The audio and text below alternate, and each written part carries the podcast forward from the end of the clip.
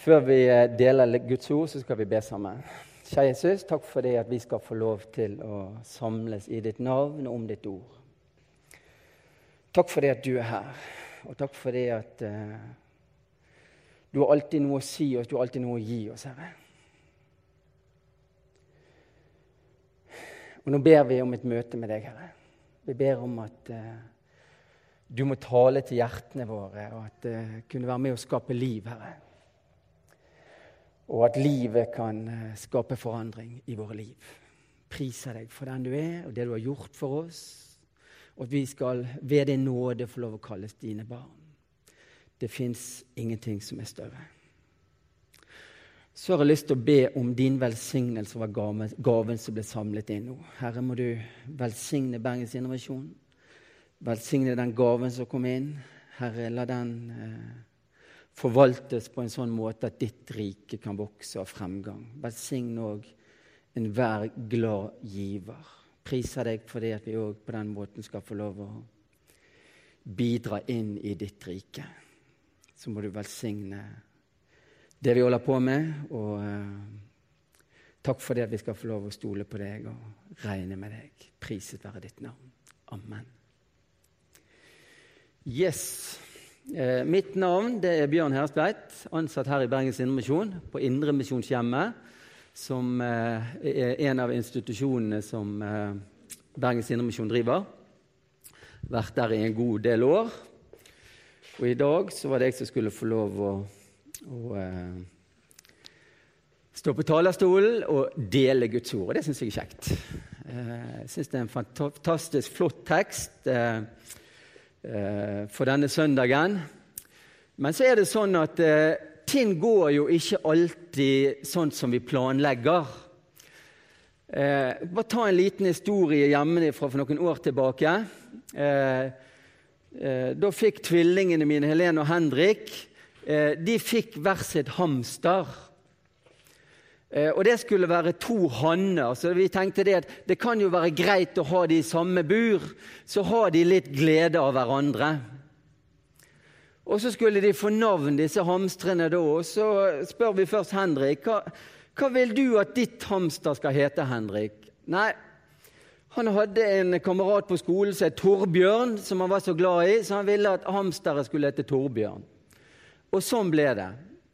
Og så spurte vi Helene Helene, hva vil du at ditt hamster skal hete. da? Nei, hun har en venninne på skolen som heter Veronica. Så jeg vil at mitt hamster skal hete Veronica. Og det tenkte vi, det var helt greit. Og så hadde vi disse hamstrene, og de fikk jo rikelig med gulrøtter og løvetann, og de vokste jo og, og hadde det greit. Men så plutselig så begynte Henrik sitt hamster Torbjørn det begynte å vokse så voldsomt. Og vi skjønte ingenting. Hva er det? Spiser han opp all maten til Veronica, tenkte vi? Og, eh, eller er han syk? Men så viste det seg det at Torbjørn var gravid. Og det var ikke det verste. Det verste var at Veronica var faren. Så, så sånn er det. Ting går ikke alltid sånn som vi eh, Sånn som vi planlegger. Det var en litt sånn artig historie hjemmefra. Eh, teksten fra i dag den er hentet fra, eh, Luk, fra Lukas 7.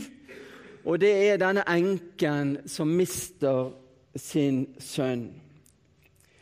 Eh, og da reiser vi oss i ærbødighet og respekt for Guds ord når vi leser den teksten fra Lukas 7, vers 11-17 i Jesu navn. Dagen etter skjedde det at han dro til en by som heter Nain. Mange av hans disipler og mye folk gikk dit sammen med han. Da han nærmet seg byporten, se, da ble en død båret ut. Han var sin mors eneste sønn, og hun var enke. Mye folk fra byen var med henne. Da Herren så henne, fikk han medynk med henne og sa til henne, gråt ikke. Så gikk han bort til og rørte ved båren. De som bar den, stanset, og han sa, Unge mann, jeg sier deg, stå opp. Da satte den døde seg opp og begynte å tale, og han gav han til hans mor. Alle ble da grepet av frykt, og de priste Gud og sa:" En stor profet er oppreist iblant oss, og Gud har gjestet sitt folk. Og dette ordet om han kom ut i hele Judea og i hele landet der omkring. Amen. Vær så god, sitt.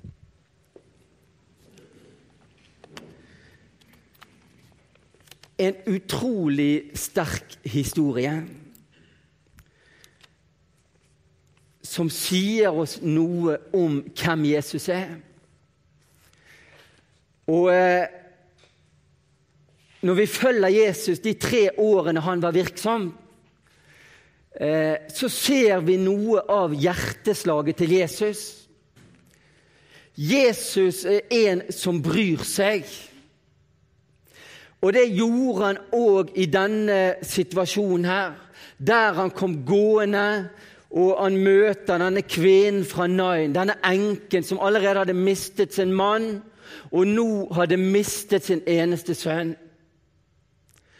For en fortvilet situasjon å komme opp i. Så kommer Jesus gående, og så står det at Jesus fikk medynk. Det skjedde noe med hjertet til Jesus når han så denne situasjonen. Jesus brydde seg. Og Jesus, han bryr seg. Og det kom en reaksjon fra folket etter det underet som Jesus gjorde. Gud har gjestet sitt folk. Folket forsto det at dette var noe ekstraordinært. Det er ikke bare til å tale til en død person og 'hallo, reis deg opp' og si til en enke som har nettopp mistet sønn, ikke gråt. Hun hadde all grunn til å gråte. Men etter et møte med Jesus så kunne tårene byttes ut med gledestårer. Jesus brydde seg. Og, og, og eh, det som er sterkt å vite, det er det at Jesus han bryr seg fortsatt. Jeg syns det står så fint i, i misjonsbefalingen i Matteus 28.: Meg er gitt all makt i himmel og på jord. Jesus har makt, ikke bare i himmelen, men han har makt på jorden. Og han bryr seg. Jesus har ikke forandret seg. Det står i Hebreabrevet 11, vers 8. Jesus Kristus er i går og i dag den samme, ja, til evig tid. Den Jesus var for 100 år siden, den er han i dag. Og den vil han være til evig tid. Det hjertet som Jesus hadde når han møtte denne enken, det er fortsatt like varmt. Det bryr seg fortsatt like mye om enkeltmennesker. Det har ikke kjølnet. Og det skal få lov å gi oss frimodighet. Og det står i Romerbrevet 15,4 at og alt som før er skrevet, er skrevet til lærdom for oss, for at vi skal ha håp ved det tålmod og den trøst som Skriftene gir. Det som er skrevet, Bibelen, det er skrevet til oss. Hvorfor det? For at du og jeg skal ta lærdom av det. For det at du og jeg skal gå på det, handle på det og leve i det hver dag. Det skal være kraftkilden i våre liv. Det skal være det som fyller oss med frimodighet. Det skal være det som gir oss gleden i Herren, som gir oss vår styrke. Hvorfor det? For vi har Guds ord. Og det er Guds ord som skal sitte standard for våre liv. Det er det som er instruksjonsboken for et godt liv. Det er det som er instruksjonsboken for den som vil følge Gud. Ligger du Bibelen til side, så tar du vekk grunnlaget. Det er der vi kan lese om hva som er Guds vilje.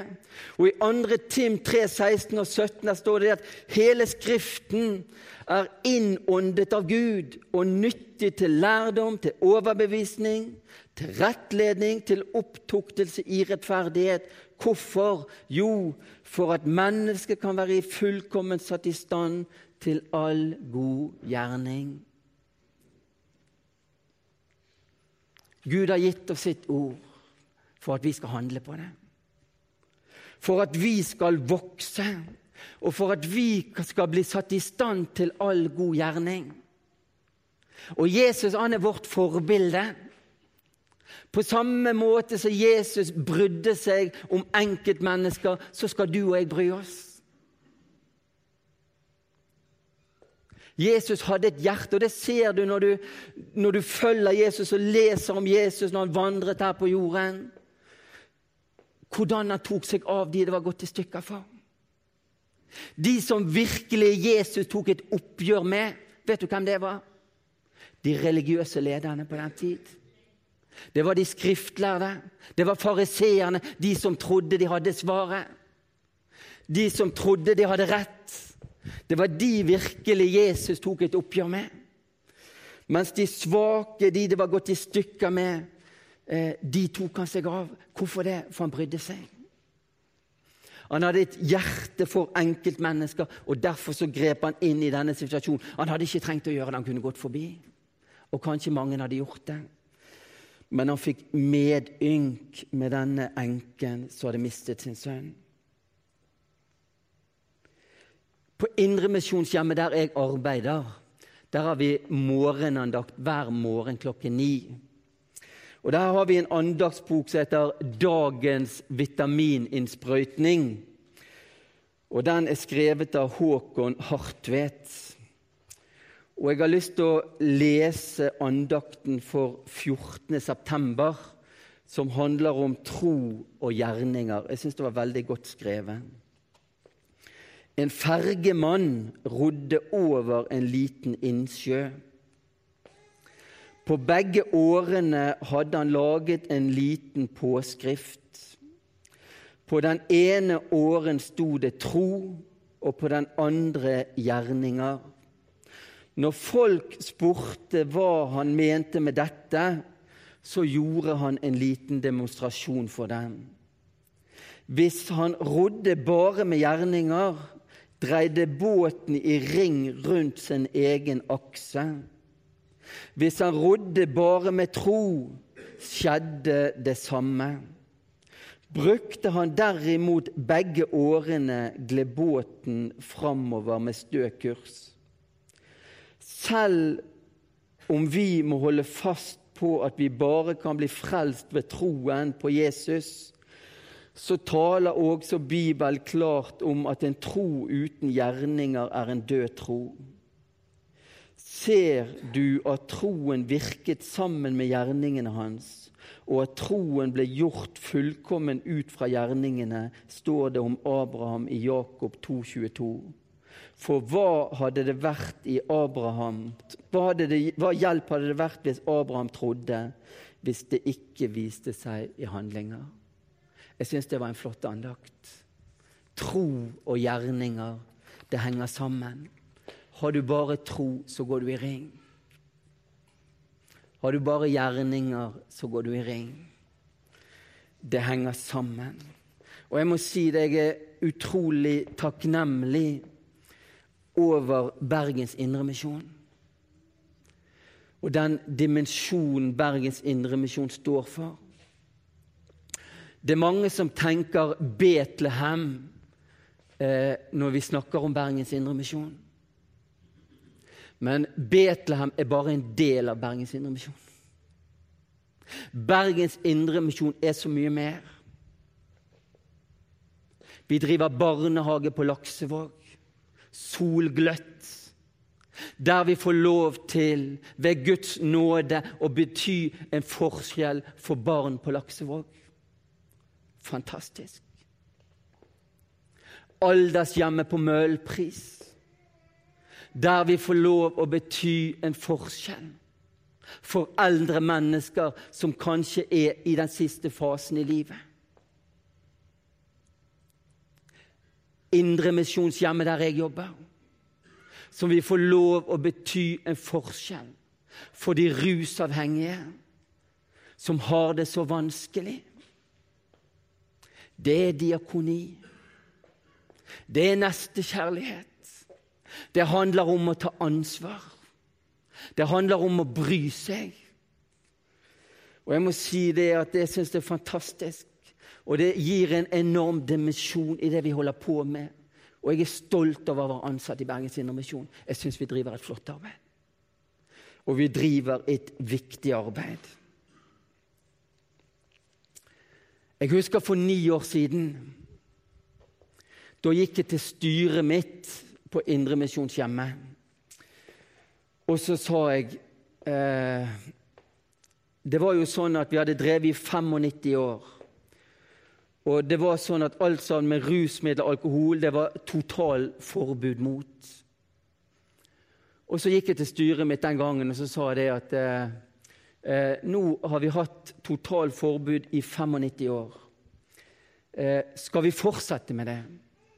Nå er det sånn at De alkoholavhengige av oss, hos oss de sitter rundt i parker, på trapper, bak Korskirken, eh, rundt forbi all slags vær og vind og drikker den alkoholen. Er det greit? De stoffavhengige de gjemmer seg ned i kjellertrapper, i hager, eh, for å bli frisk. Skal vi fortsette den politikken, eller skal vi endre ruspolitikken vår? Da sa styret vi ønsker ikke at beboerne våre skal leve under sånne kår. Vi må endre ruspolitikken vår. Jeg får sånn respekt for sånne mennesker som våger å ta sånne valg. Fordi at vi så at det var noen som hadde det så vanskelig. Vi så at det var noen som led, og vi hadde anledning til å gjøre noe med det. Det er veldig lett å sitte på sin moralske høye hest og lage et regelverk, og sånn skal det være. Men så ser vi det at det kommer veldig uheldig ut.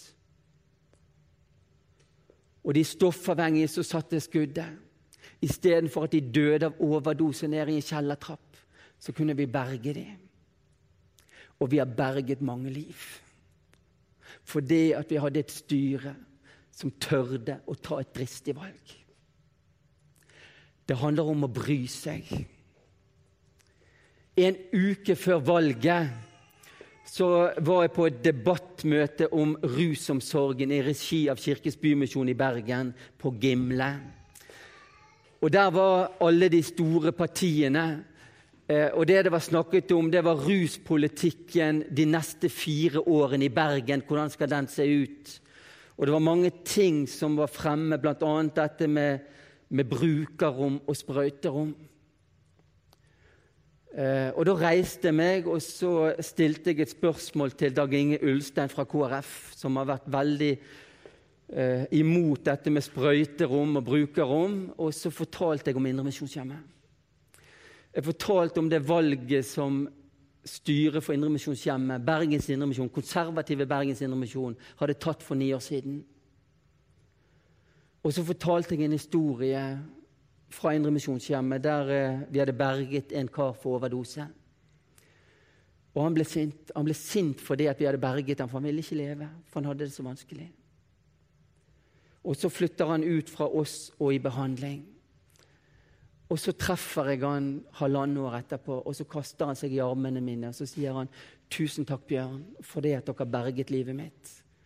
Nå har jeg leilighet, jeg har samboer, jeg, rus, jeg er rusfri, og jeg har aldri hatt det så bra. Hvorfor fikk han den muligheten? For det var et styre som tok et dristig valg. Det var et styre som brydde seg om enkeltmennesker. Hadde han tatt den overdosen bak Korskirken eller et annet sted, så hadde han mest sannsynligvis ikke levd. Og så sa jeg til Dag Inge jeg tror det at tiden ikke er moden for KrF til å endre sin ruspolitikk. Han er overmoden, og jeg mener det. Det dør en skoleklasse hvert år i Bergen i overdose. 30 personer som er kjøpt og betalt med Jesu blod. Som ligger på Møldal eller andre gravsteder fordi at de døde av overdose. Og så sier Dag Inge ja, det er jo viktig med behandling. Du kan ikke behandle mennesker som ligger på Møldal. Det toget er gått. Det handler om å bry seg. Dette engasjerer meg, for jeg lever i det hver dag.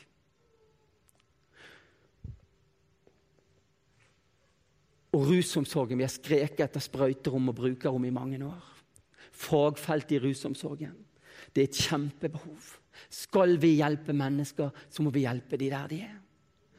Ta en runde på Damsgård i Strakshuset og se hva eh, vilkår de rusavhengige lever under. Det er skremmende.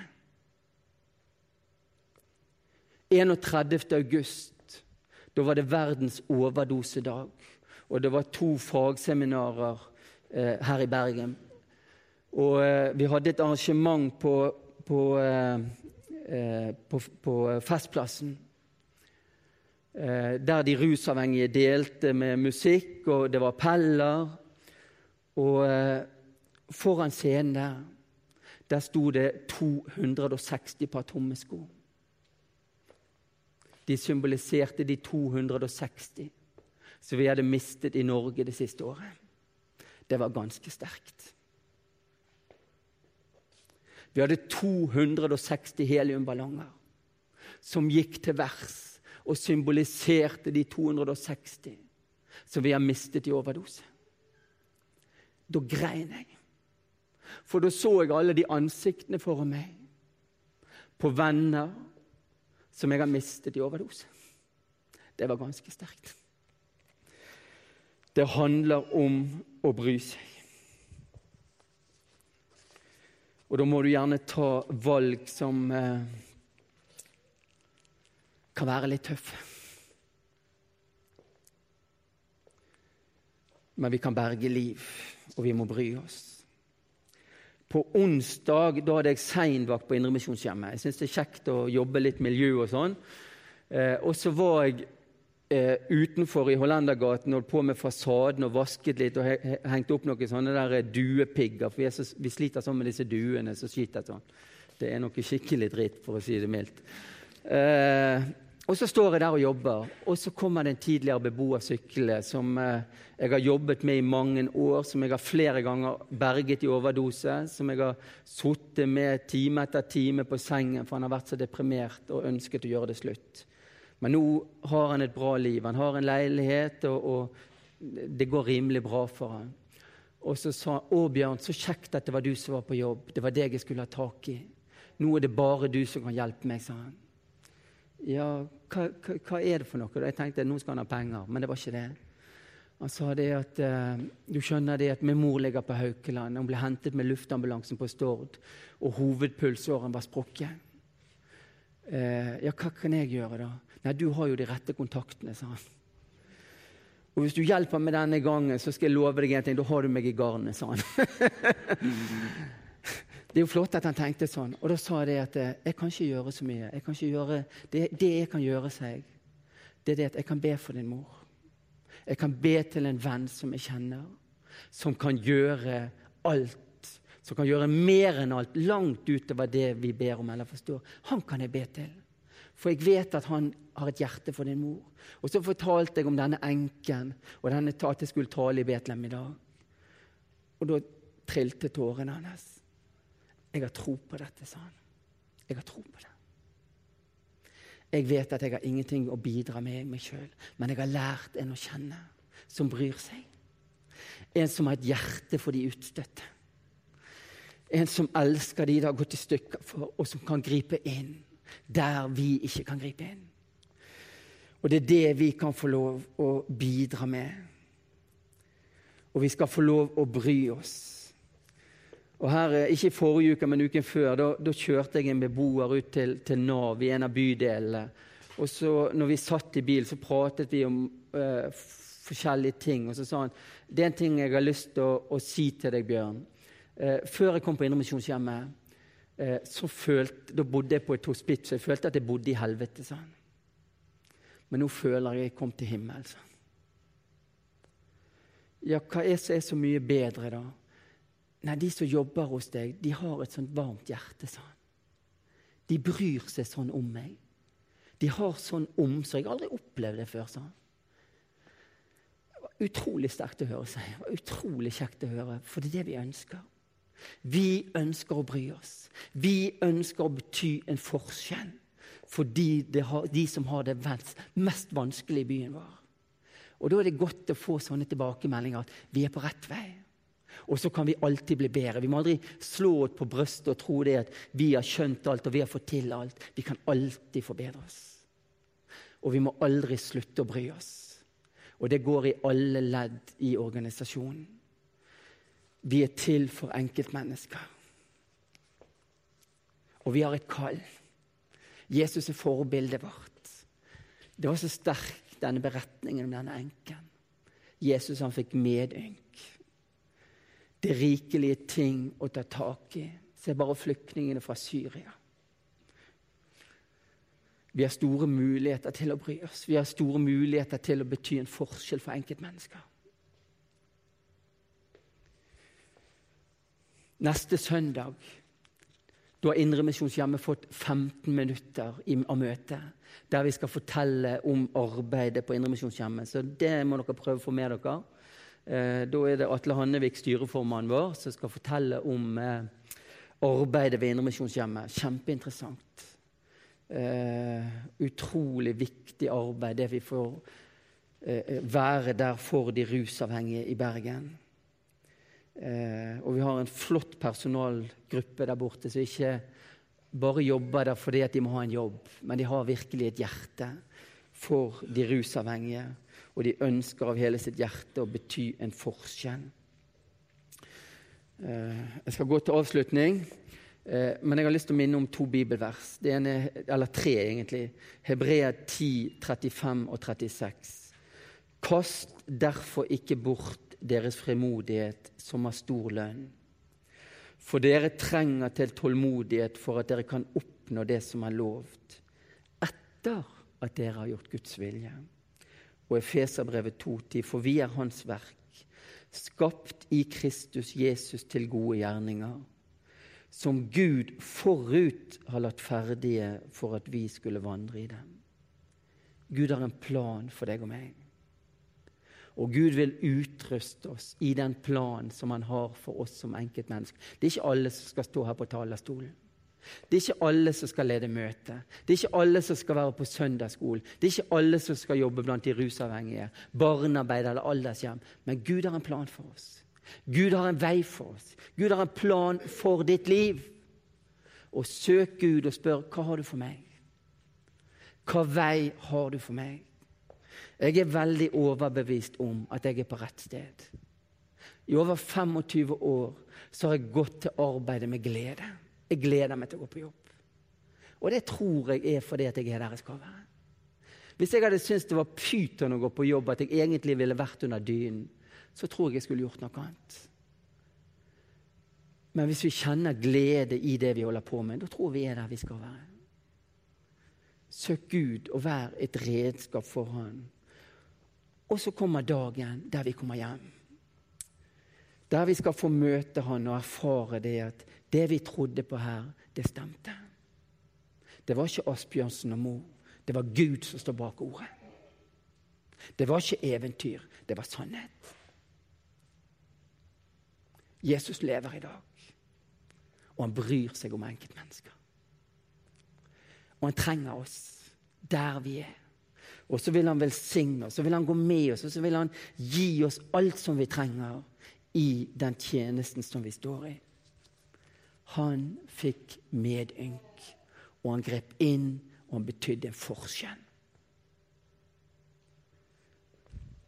Kjære Jesus, takk for det at du er forbildet vårt. Og takk for det at du bryr deg om enkeltmennesker.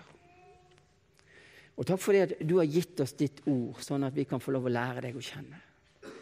At vi kan få vite hva du tenker, hva plan, hva vilje du har. Og så vet vi det at det er du som er vintreet, vi er greiene. Uten det kan vi ingenting gjøre. Men du ønsker å bruke oss. Du ønsker å ha greiner som bærer frukt. Herre, må du utruste ditt folk og gi oss et bløtt hjerte, et mykt hjerte, for de som trenger oss. Så må du fylle oss med kraft, styrke, frimodighet, kjærlighet og alt som vi trenger for å være et redskap der du har kalt oss. Så må du gjøre oss villig til å gå ditt ærend. Priser deg for det at vi skal få lov til å være et redskap i din hånd der du har satt oss. Så må du velsigne dagen for oss og møte videre i ditt navn. Priser deg for det at du har et hjerte for denne byen. Enten de er rusavhengige, de er ensomme, de er psykisk syke, hva det måtte være, så elsker du dem. La noe av ditt, din kjærlighet få lov å prege våre liv. For det at du elsket oss først. Derfor skylder vi å elske hverandre. Amen.